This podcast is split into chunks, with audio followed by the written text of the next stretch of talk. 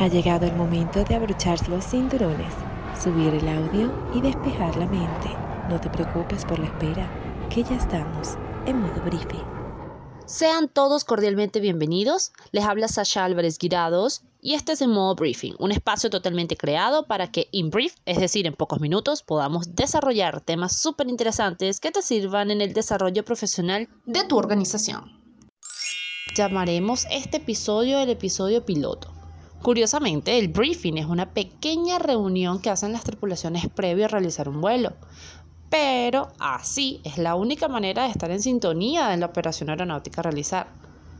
Ahora, precisamente este podcast es un vuelo sin retorno, ya que solo será un episodio, al menos por ahora. Si me gusta esto de desarrollar la locución, más adelante será un placer compartir con ustedes temas increíbles en la misma sintonía de las relaciones humanas y las relaciones públicas.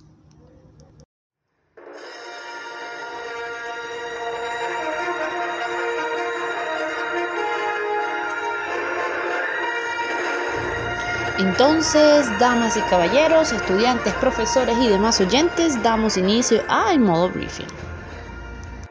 El día de hoy hablaremos sobre las relaciones humanas. Y sí, ya se te vino a la mente el chichón de pensar que las relaciones humanas son esa persona insoportable del trabajo, el jefe que te monta la pata, la panita que no aporta nada, pero cómo se queja. Y sí, claro, eso forma parte de un conglomerado de cosas que conforman las relaciones humanas, porque obviamente el noviecito o noviecita, el cariño de mamá, el consentimiento de papá, también forman parte de ellas. La teoría de las relaciones humanas fue acuñada en los años 30 por Elton Mayo. El señor Mayo fue un teórico social, sociólogo y psicólogo industrial especializado en las relaciones humanas organizaciones y el movimiento por las relaciones humanas. Muchas gracias Wikipedia siempre por la ayudadita para los que andamos en modo María Bolívar. La teoría por la cual el señor Elton dio pie a la investigación tiene como objeto de estudio estos parámetros principales. Estudia la organización como un grupo de personas. Hace énfasis en las personas. Se inspira en sistemas de psicología, delegación plena de autoridad, autonomía del trabajador, confianza y apertura, énfasis en las relaciones humanas entre los empleados, confianza en las personas, dinámica grupal e interpersonal. Dicha teoría nace en el corazón de la democracia norteamericana, ya que los amigos de la clase trabajadora industrial mm, se dieron cuenta que los amigos dueños de las grandes compañías podían explotar al látigo puro a los trabajadores bajo el respaldo e interpretación conveniente de las teorías clásicas y científicas de administración. Luego de rebeliones, protestas, alborotos y luchas por reivindicaciones básicas humanas, nace de la necesidad natural del equilibrio entre la rentabilidad y la armonía laboral del capital humano que trabaja dentro de una organización, la teoría de las relaciones humanas. Probablemente uno de los hitos más relevantes que condujeron a su nacimiento fueron los experimentos de Hawthorne, realizados en la factoría Hawthorne. Elton Mayo y otros colaboradores como Kurt Lewin, quien se basó en dos aspectos importantes, la motivación y la frustración, y Mary Parker Follett, quien analizó aspectos de coordinación, administración y mando. Inicialmente, estos experimentos se empezaron en 1925 con la intención inicial de buscar una relación entre la iluminación y la productividad de los empleados.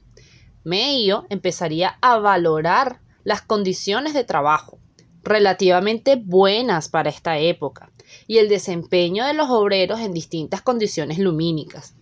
En este aspecto no encontraron gran variabilidad, pero lograron localizar otras variables de gran importancia, las psicosociales. Recordemos que las relaciones humanas son vínculos que se generan entre las personas y pueden ser interacciones espontáneas o permanentes. las diversas habilidades interpersonales como la comunicación verbal y no verbal, la empatía y la capacidad de escuchar a otros determinan los comportamientos necesarios para garantizar esas relaciones humanas. Todos estos son elementos que pueden variar según nuestro entorno. Así que sí, somos animales. Que necesitamos de socializar, ojo, no de vivir como morochos o los Backstreet Boys para arriba y para abajo rodeados de personas. No. Hablamos de realmente generar conexión con alguien. Los humanos somos seres sociales y esta es una necesidad de conexión, la de relacionarnos realmente. Estas relaciones se dividen en dos grandes grupos. Las relaciones primarias son los vínculos íntimos o cercanos del individuo, en los que no hay un interés o una necesidad previa que haya dado lugar a esa relación, sino que los une el amor, el afecto o el aprecio por su calidad humana. Por ejemplo, las relaciones con tu media naranja, las de esos panas entrañables, la de las tías, abuelas y demás familiares que te preguntan, mi ¿y para cuándo el novio? etcétera. Y están las relaciones secundarias. Son vínculos en los que no intervienen las emociones afectivas, sino que se une una relación de conveniencia o de utilidad. Por ejemplo, la relación entre tu jefe súper intenso con ese horario y tú. Tu profesor que te manda a hacer un podcast y tú, bueno, te sientes Erika de la Vega por unos cuantos minutos. El policía matraquero de la alcabala y tú comiéndote la flecha. Cosas así por el estilo. Y te cuento, ambas son necesarias, así que ambas, para colmo, se complementan. De esta manera, te desarrollarás ante una sociedad de forma equilibrada y por supuesto ante una organización determinada. Así que no te sorprendas que quizás te enamores del policía matraquero. Ahora, ¿cómo esto afecta a las organizaciones?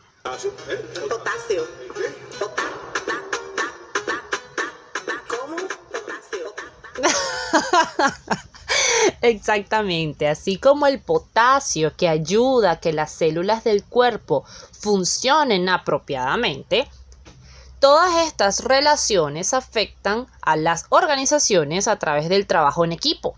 Los especialistas han encontrado evidencias sólidas que indican que una cultura de empresa centrada en el trabajo en equipo sirve como herramienta de fortalecimiento de las relaciones humanas dentro de las organizaciones. Cero ego, viva el nosotros, dile adiós al yo. En la unión está la fuerza. La constitución de un equipo de trabajo significa asumir la corresponsabilidad de trabajar para alcanzar las metas globales. Motivación e incentivos. Poner en marcha programas de asignación de tiempo de trabajo para el desarrollo de proyectos individuales. Y bueno, estemos claros que después del 2020 esto ya va a ser algo demandado por cada trabajador. Muchas personas emprendieron proyectos personales y quieren seguir llevándolos a cabo todos estos programas. Así que Deben seguir los programas de bienestar que apuntan a una mejora de las condiciones físicas y psicológicas de cada individuo, tanto incentivando el cambio en hábitos alimenticios o el inicio de rutinas de ejercicios. Creo entonces que las organizaciones se sentirán más atraídos por los libros de la gran Raquel Roca. Valora el trabajo y el mérito personal.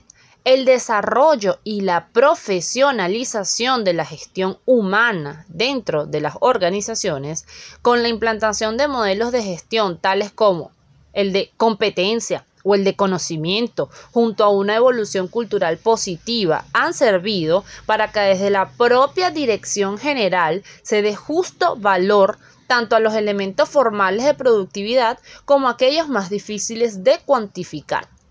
Es tendencia a considerar no solamente el resultado del trabajo en los diversos temas de valoración del desempeño y las retribuciones, sino incorporar al análisis aspectos tales como los méritos a destacar, el papel individual que influye positivamente o negativamente sobre los otros miembros de los equipos. Así que cada trabajador pertenece a un grupo de sinergia.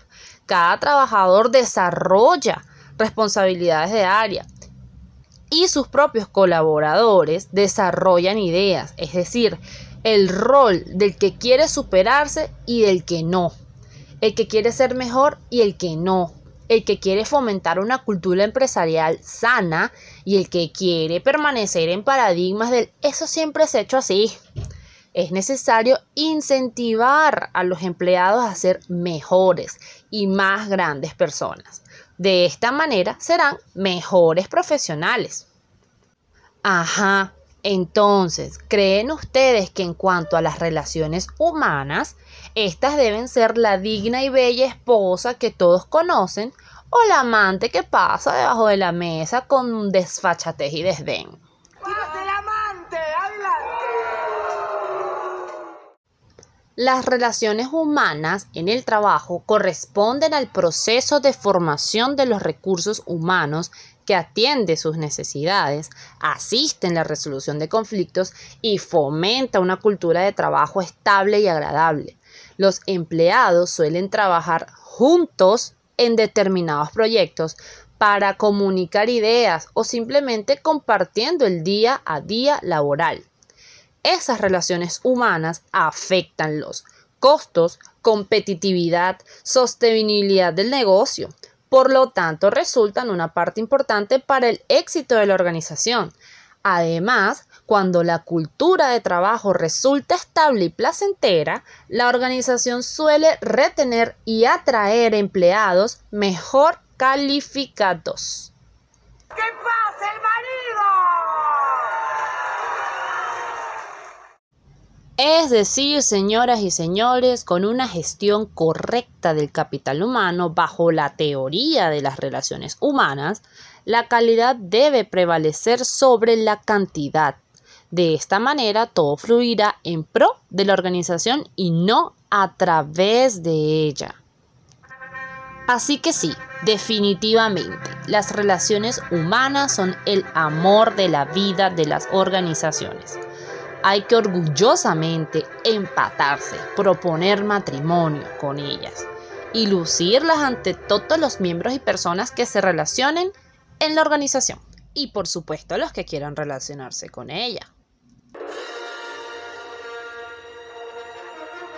Esto ha sido todo por hoy, señoras y señores. No me queda más que despedirme complacida por el contenido impartido el día de hoy y esperando que quizás mi profesor sienta tanta satisfacción como yo. Los dejo con la esperanza de que quieran cultivar sus relaciones humanas primarias y secundarias en pro de su vida y de la vida que hacen dentro de su mundo profesional. Se les quiere un gran abrazo, Sasha Álvarez Guirados.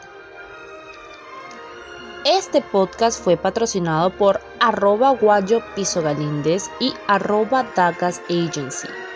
Producido, dirigido, cocinado, batido y decorado por arroba Sasha Álvarez G. Ha llegado el momento de desembarcar la aeronave. Gracias por volar con nosotros. Esto fue Modo Briefing.